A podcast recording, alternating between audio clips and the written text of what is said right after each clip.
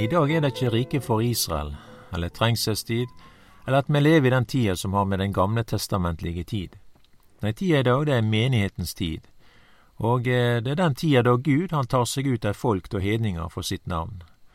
Og eh, det som jeg sier her, det samsvarer med det som blir sagt i apostelgjerningene kapittel 15. Og Når vi da leser Johannes' åpenbaring her, da, så eh, er det den tida som har med sendebrevene å gjøre. Eh, menighetens tid, det er kapittel to og tre, om jeg kan si det på den måten der, da. Så eh, vi har tatt til å lese litt i disse her sendebrevene, og her er det brev som taler rett inn i vår hverdag. Vi leser ifra Åpenbaringen tre og vers én, og her er det da skildra til brevet, kirkelyden til Sardes.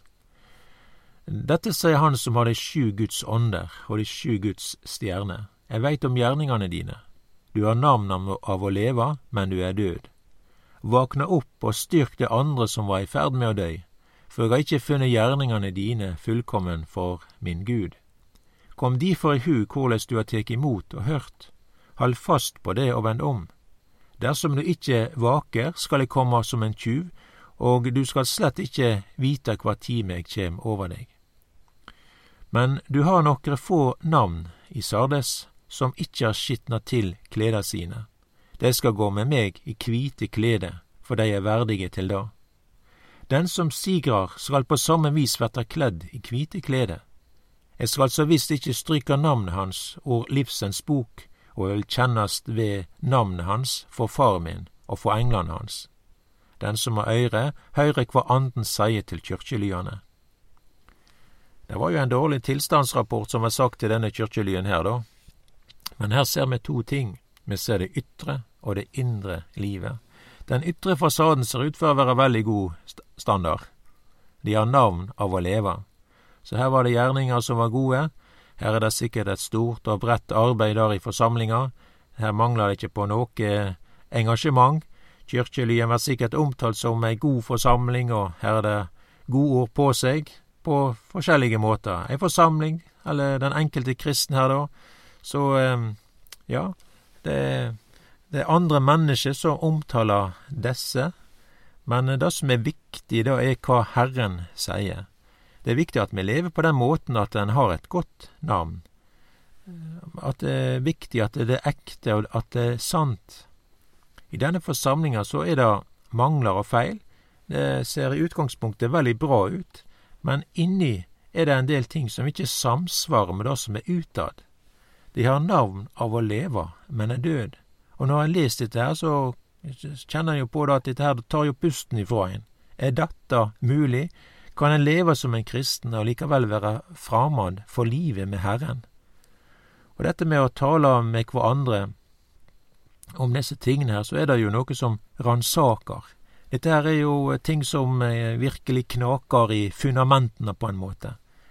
Og eh, når en leser disse tingene her, så setter søkelys på den enkelte. Her er det da en menighet som har et stort og bredt arbeid. De har navn av å leve. Her er det tall om eh, gjerningene deres. Det kan være det sosiale som er viktige ting. Her er det en kirkelys som mener noe om seg sjøl som de allikevel ikke er. Og eh, det som de ikke er, er at de er Guds menighet. De er fremmede for det som har med eh, ja, deres profil sånn, da. Det kan være mye fra Bibelen, men, eh, men, men de kan òg drifte et stort og viktig arbeid, men allikevel er fremmede for sin frelser. Og det som har navn av å leve, men er død, det betyr da at de er uten åndelig liv. De, de lever et kristelig liv. De er uten å òg da å være del av livet. De er kristelige, altså de likner. Men eh, ja. Og når jeg leser disse tingene, så minner det meg litt om Kornelius. Han, han levde jo et kristelig liv. Men allikevel så var han ukjent for sjølve livet. Han bodde litt nord for dagens Tel Aviv i Israel, og det står om Kornelius og det er i apostelgjerningene tid dette her eh, vært omtala, da. Det står at eh, om Kornelius at han var en from mann og åttas Gud sammen med heile huslyden sin. Han ga mange almisser til folket og bad alltid til Gud. Og og dersom det ikke hadde stått noe annet om Kornelius, så hadde jeg aldri våga å sagt da at denne mannen eh, da ikke skulle ha med Gud å gjøre, at han var en kristen, for å si det på den måten, da. Men sjøl om denne mannen ber til Gud, frykter Gud, ga mange gåver til folket, og hele familien hans òg var gudfryktige, så var han da fremmed for Herren. Og det var da Peter som da skulle gå til denne mannen og forkynne evangeliet, så han skulle der frelst. Jeg kan lese det sånn som det står, og det er Peter sjøl som forteller det, da ifra apostelgjerningene 11, av vers 13. Han fortalte oss hvordan han hadde sett engelen som sto i huset hans og sa, Send båt til Joppe etter Simon med tilnavnet Peter. Han skal tale ord til deg, så du skal verta frelst ved, du og heile ditt hus.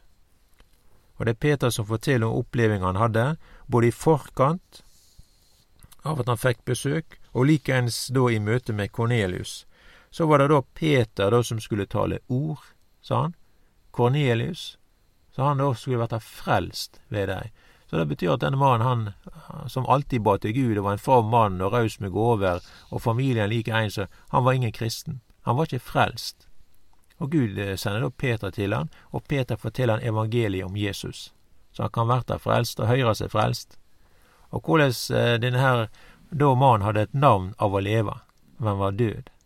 Han bar et kristen navn, men eide ikke kristenlivet. Han var raus med gåver, men eh, hadde ikke sjøl tatt imot den gåva Gud hadde gjeve. Så det går an å leve som en kristen og likevel være fremmed for livet med, med Gud. Det går an å drifte et misjonsarbeid, menighetsarbeid, og eh, ha navn, at han er ei levende forsamling, men er død og det var sikkert ikke mangel på dugnad og frivillige arbeidere, men, men, men Gud var ikke deres arbeidsgiver. I Sardes der var det en sosial menighet, fokus på menneskerelaterte ting, et godt regneskap og årsmelding som gav mange positive tiltak. Arbeidet da viste sikkert mange konkrete frukter av det som ble gjort, men fruktene var ikke av Gud. Det var ikke åndelige frukter, men det var menneskelige og kjøtlige frukter som eh, eh, årsmeldinga eh, bar bud om. Så det er mange sånne tilfeller at en kan drifte et misjonsarbeid som har eh, mange gode resultat og et stort engasjement, men, men hva hjelper da når det ikke er Herren som er der med sin velsignelse? Og dette her er mange sånne tankevekkende ting som vi leser om her, da.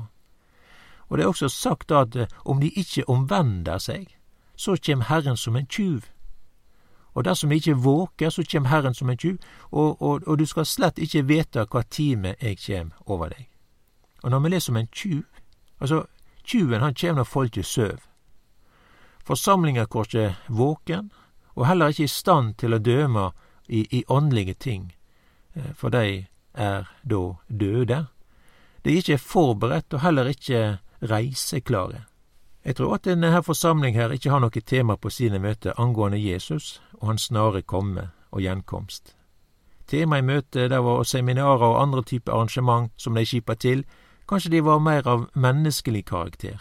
Det handler mer om hva forsamlinga skal, og den enkelte medlem òg, skal gjøre. Mer sånne, sånne, ting, da. Og det handler om å, ja, hva, hva vi skal gjøre, og, og, og, og så, og så blir det ikke det, det ja, det med å kvile i evangeliet og hva Jesus har gjort, og ha fokus på det til takk og tilbedelse, og, og nær sagt da utspringe der òg for misjonsarbeid. Og her er det noen som vender seg bort fra Jesus. Altså her er det noen som er mer eh, ei gjerning som de sjøl skal gjøre.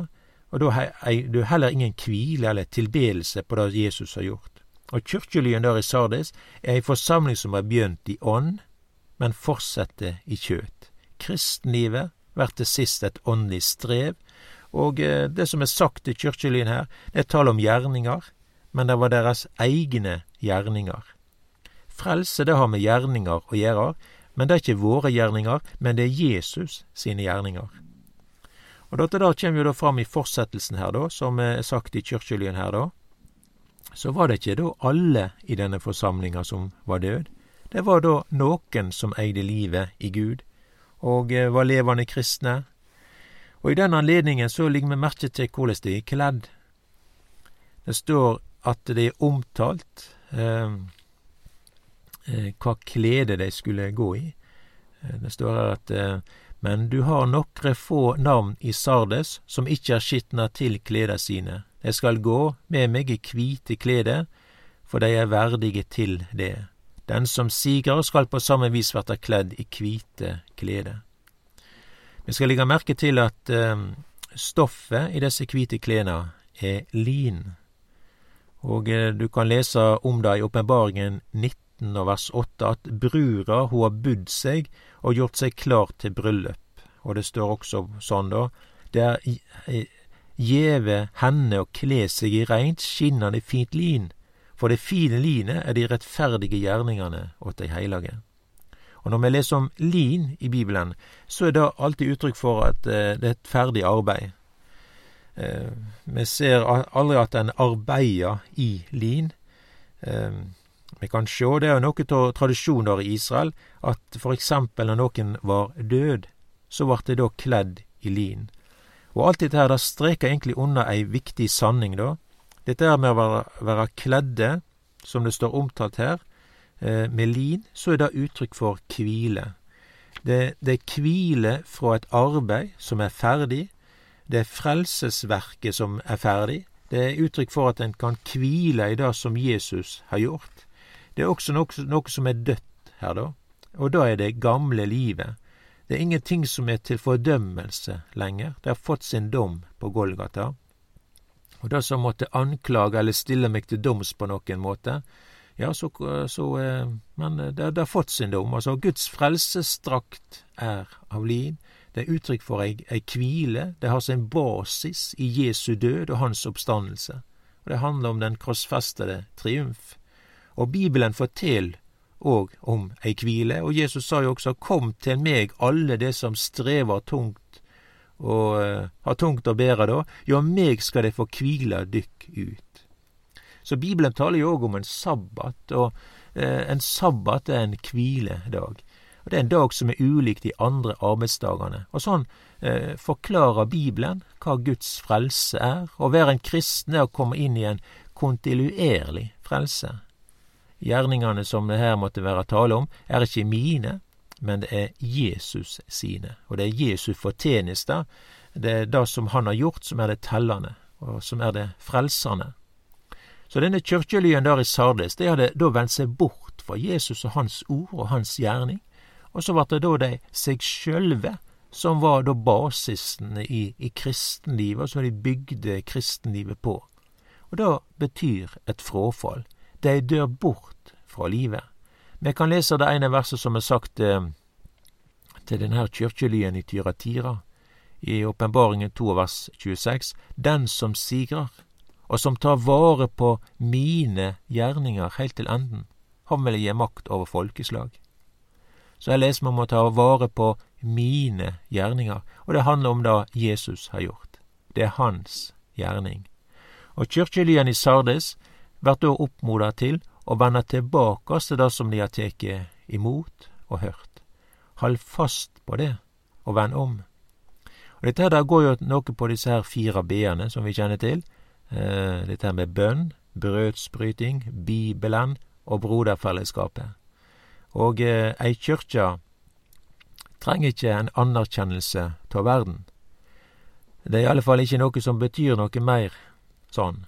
Men det som er det tellende, det er det Jesus sier om meg, den som er kledd i lin.